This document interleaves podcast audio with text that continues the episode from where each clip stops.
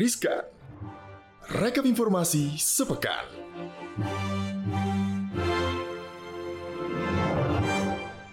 Hai Sobat Cuan Halo.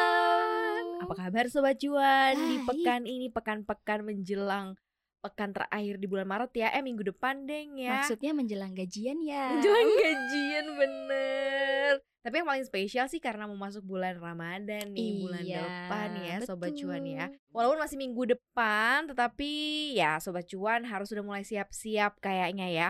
Walaupun kemarin ada update-update terkait mengenai eh, PPKM lah Udah selesai, udah dicabut Kok seakan-akan COVID menghilang gitu ya Jangan lupa protokol kesehatan Meskipun boleh mudik ya. Jangan lupa juga untuk dengerin Jangan Riskan lupa. Bareng Maria Katarina dan juga Angel Valentina. Pastinya sederetan informasi terkait ekonomi kita akan sajikan buat sobat cuan yang paling hot pastinya Angel ya. Yes, betul banget. Ada yang hot banget nih kak. Apa? Kayak tahu bulat. Oh, itu dadakan. Bukan hot juga. Oh iya benar benar benar benar.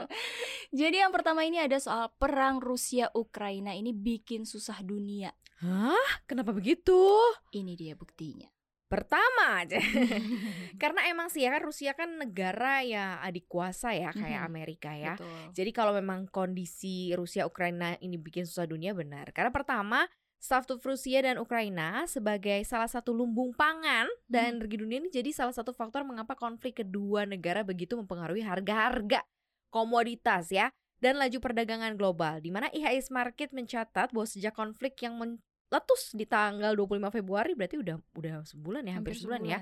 Indeks harga material MPI melompat dan harga energi juga berperan besar dalam perdagangan barang dan jasa sehingga mempengaruhi biaya input perusahaan dan bahan baku hingga transportasi. Ya ini sih udah pasti nanti akan ada dampak kenaikan harga di sana nih, Jal. Jangan heran kalau harga-harga komoditas makin melambung, apalagi jelang lebaran udah pasti kan tuh kak trennya kan, ah. udah tinggi makin tinggi lagi karena kelangkaan. Karena side effectnya kalau harga komoditas melambung ya harga jual, Jual, ke konsumennya betul. akan Makin meningkat tinggi. juga, makin repot ya. Itu yang pertama. Yes. Yang kedua, konflik Rusia Ukraina juga diperkirakan akan menurunkan perdagangan global yang berimbas pada melambatnya pertumbuhan ekonomi global. Hmm. Sejumlah lembaga ini sudah ramai-ramai memangkas proyeksi pertumbuhan global untuk tahun ini menyusul serangan Rusia ke Ukraina. Yes. Fitch Rating ini menurunkan proyeksi pertumbuhan tahun ini sebesar 0,7 persen Hmm. menjadi 3,5 persen. Wow, Wow. hampir setengahnya iya, nih ya. iya.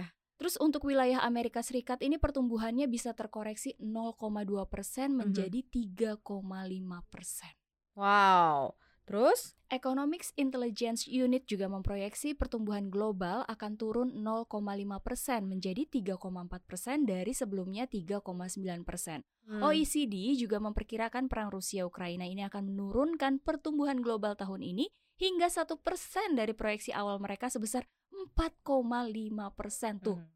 Sobat cuan kan tahu ya bahwa pertumbuhan ekonomi ini kayak raport negara ya. Benar. Kalau misalnya pertumbuhan ekonominya bisa stabil bahkan menan apa menanjak ya sesuai dengan proyeksi itu Mm-mm. berarti memang negara tersebut Lagi survive bagus pemulihan ekonominya ya. bagus, daya tawar Mm-mm. keluar juga bagus. Nah, kalau kondisi seperti ini nah bisa dikatakan mungkin agak cukup fragile nih menghadapi Betul. perang Rusia Ukraina.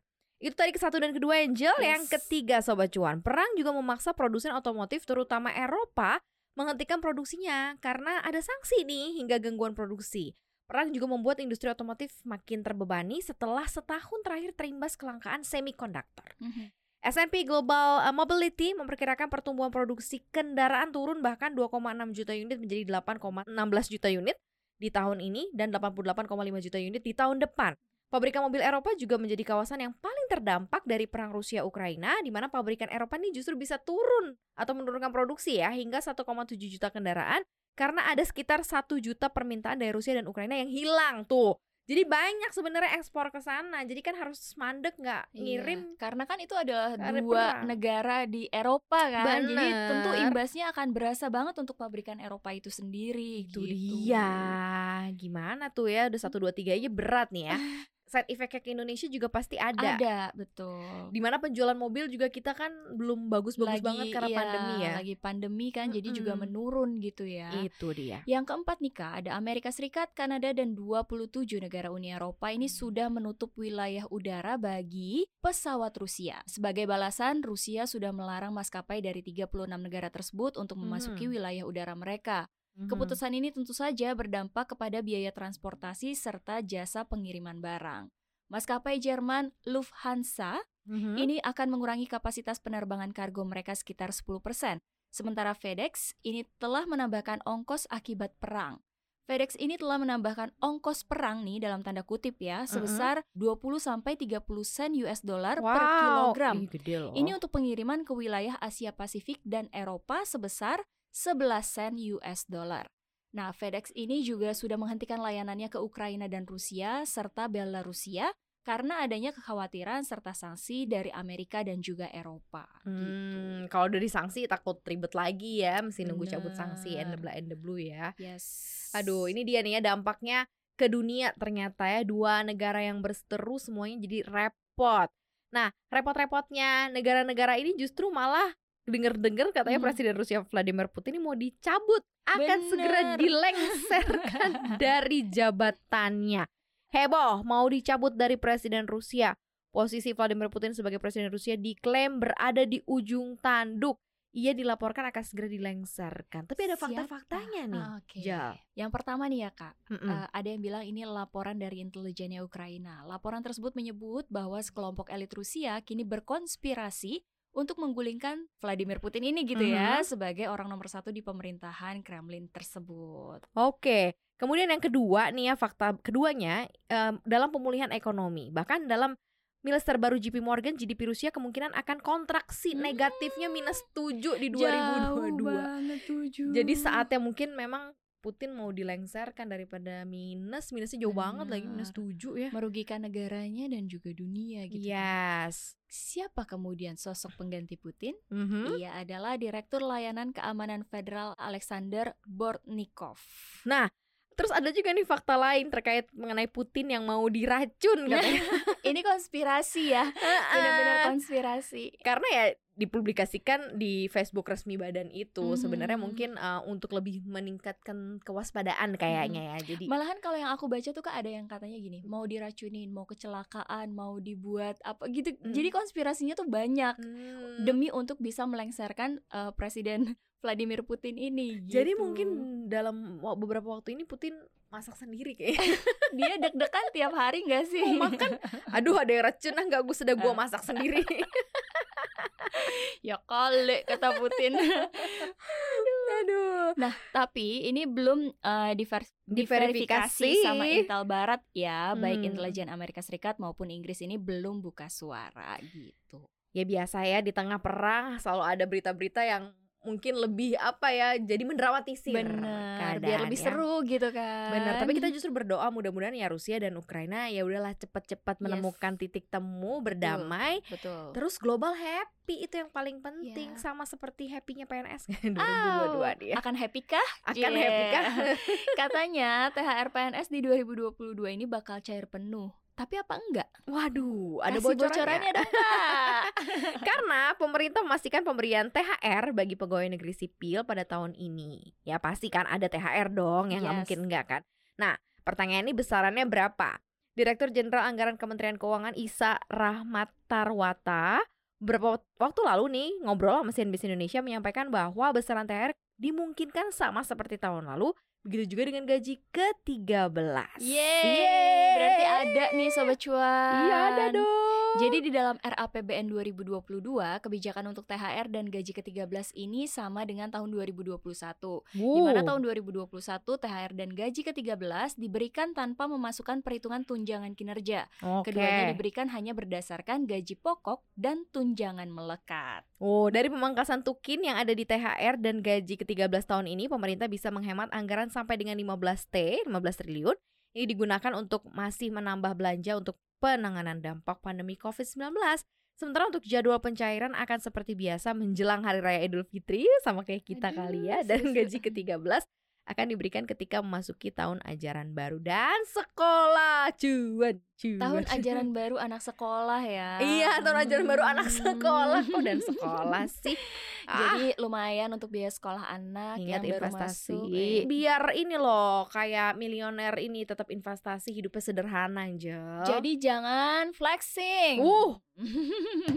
jangan flashing. Harta melimpah, kenapa milioner ini malah pilih hidup sederhana? Kenapa Angel Ah. Valentina? Kalau menurut aku biar nggak ketahuan Panjang.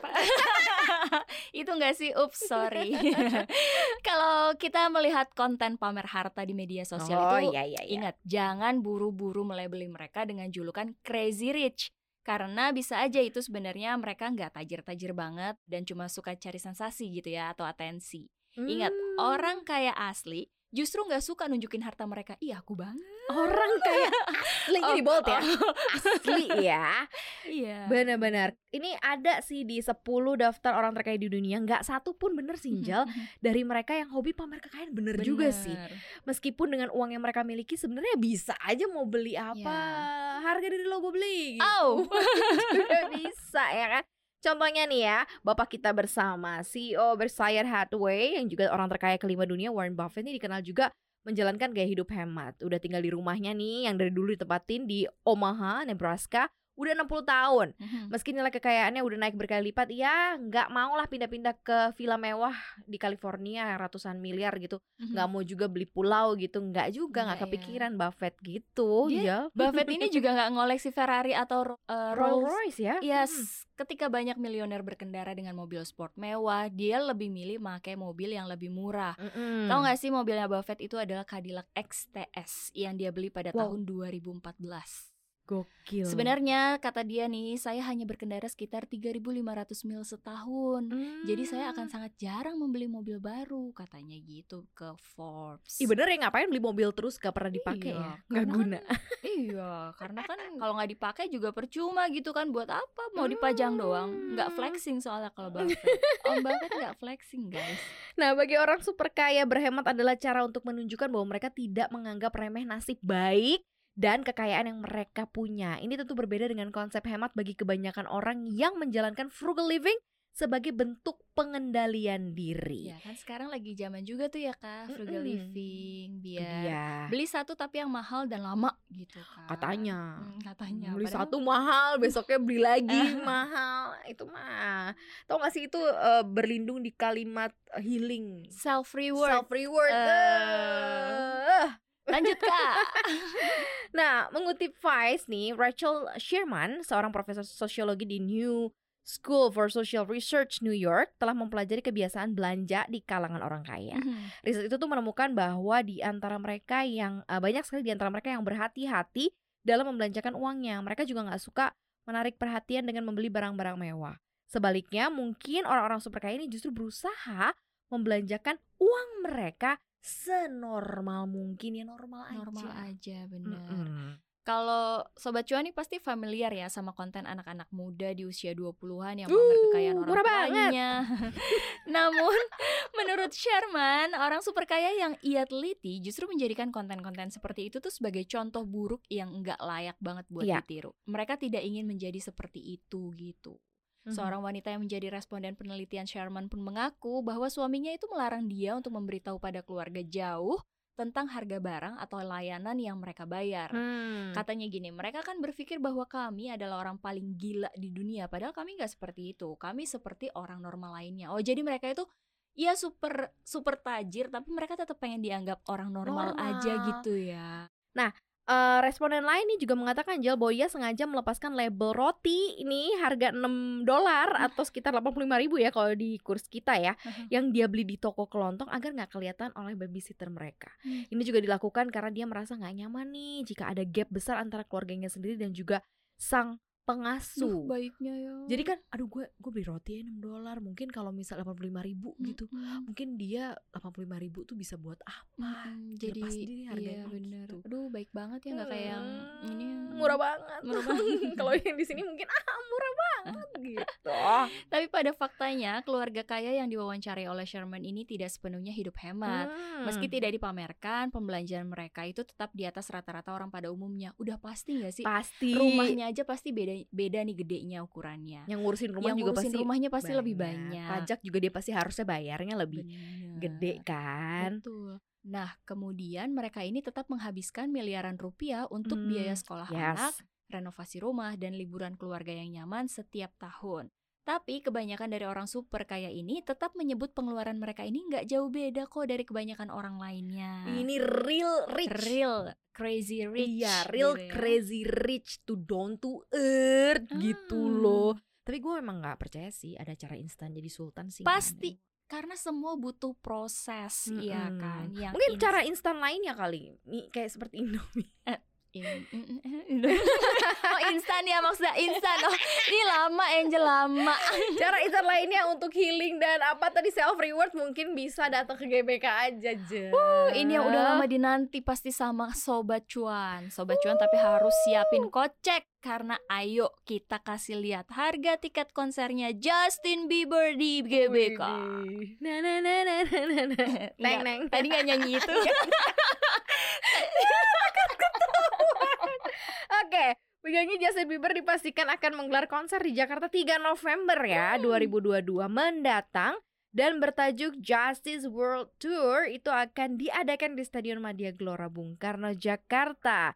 Sound Return, pihak penyelenggara konser juga sudah ngumumin dana panggung yang sekaligus juga menginformasikan harga tiket. Di mana tiket paling murah dibanderol satu setengah juta. Yang paling mahal itu jenisnya Gold VIP Package harganya delapan setengah juta, murah Wah, banget. murah banget Enggak tapi ini tiket yang paling murahnya satu setengah juta ini masih affordable ya Masih maksudnya untuk affordable harusnya sekelas ya. sekelas Justin Bieber gitu Mm-mm. maksudnya.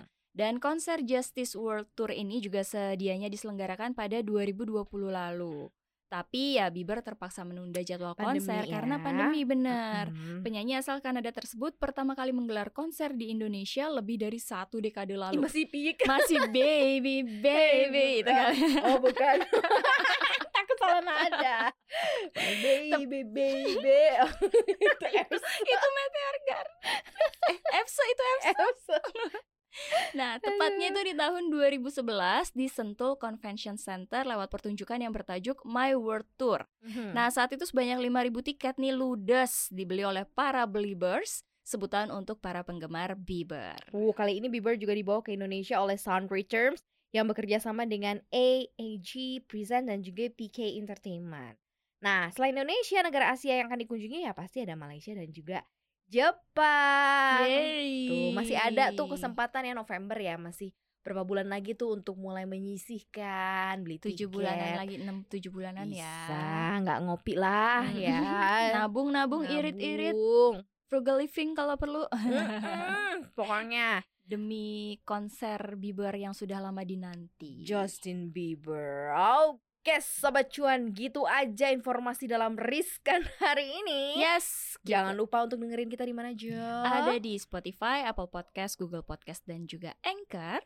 Instagram kita juga di follow dong sobat cuan at cuap underscore cuan udah centang biru loh Karena di situ juga banyak ya informasi-informasi seputar investasi, Yes, banyak. ekonomi, Mm-mm. keuangan, apa pun yang sobat butuh ada di situ. Dan jangan lupa Ya. juga untuk subscribe YouTube channel kita di Yes. cuap-cuap cuan, di follow, di- uh, aktifin lonceng notifikasinya supaya kalian tahu kalau kita upload video-video yang baru. yang keren-keren ya karena narasumber kita lagi mulai keren-keren banget, Banget. nih ya jadi Uh. harus dengerin harus Rugi lihat kalau juga ketinggalan. dan juga kita tayang di CNBC Indonesia TV Betul. jadi kita bisa nonton juga di situ di situsnya www.cnbcindonesia Ada com. Thank you ya Sobat Cuan Siap-siap untuk ke berakhir pekan Jangan lupa prokes kesehatan Angel pamit. Maria pamit Sampai jumpa. Dah. Happy weekend. Happy weekend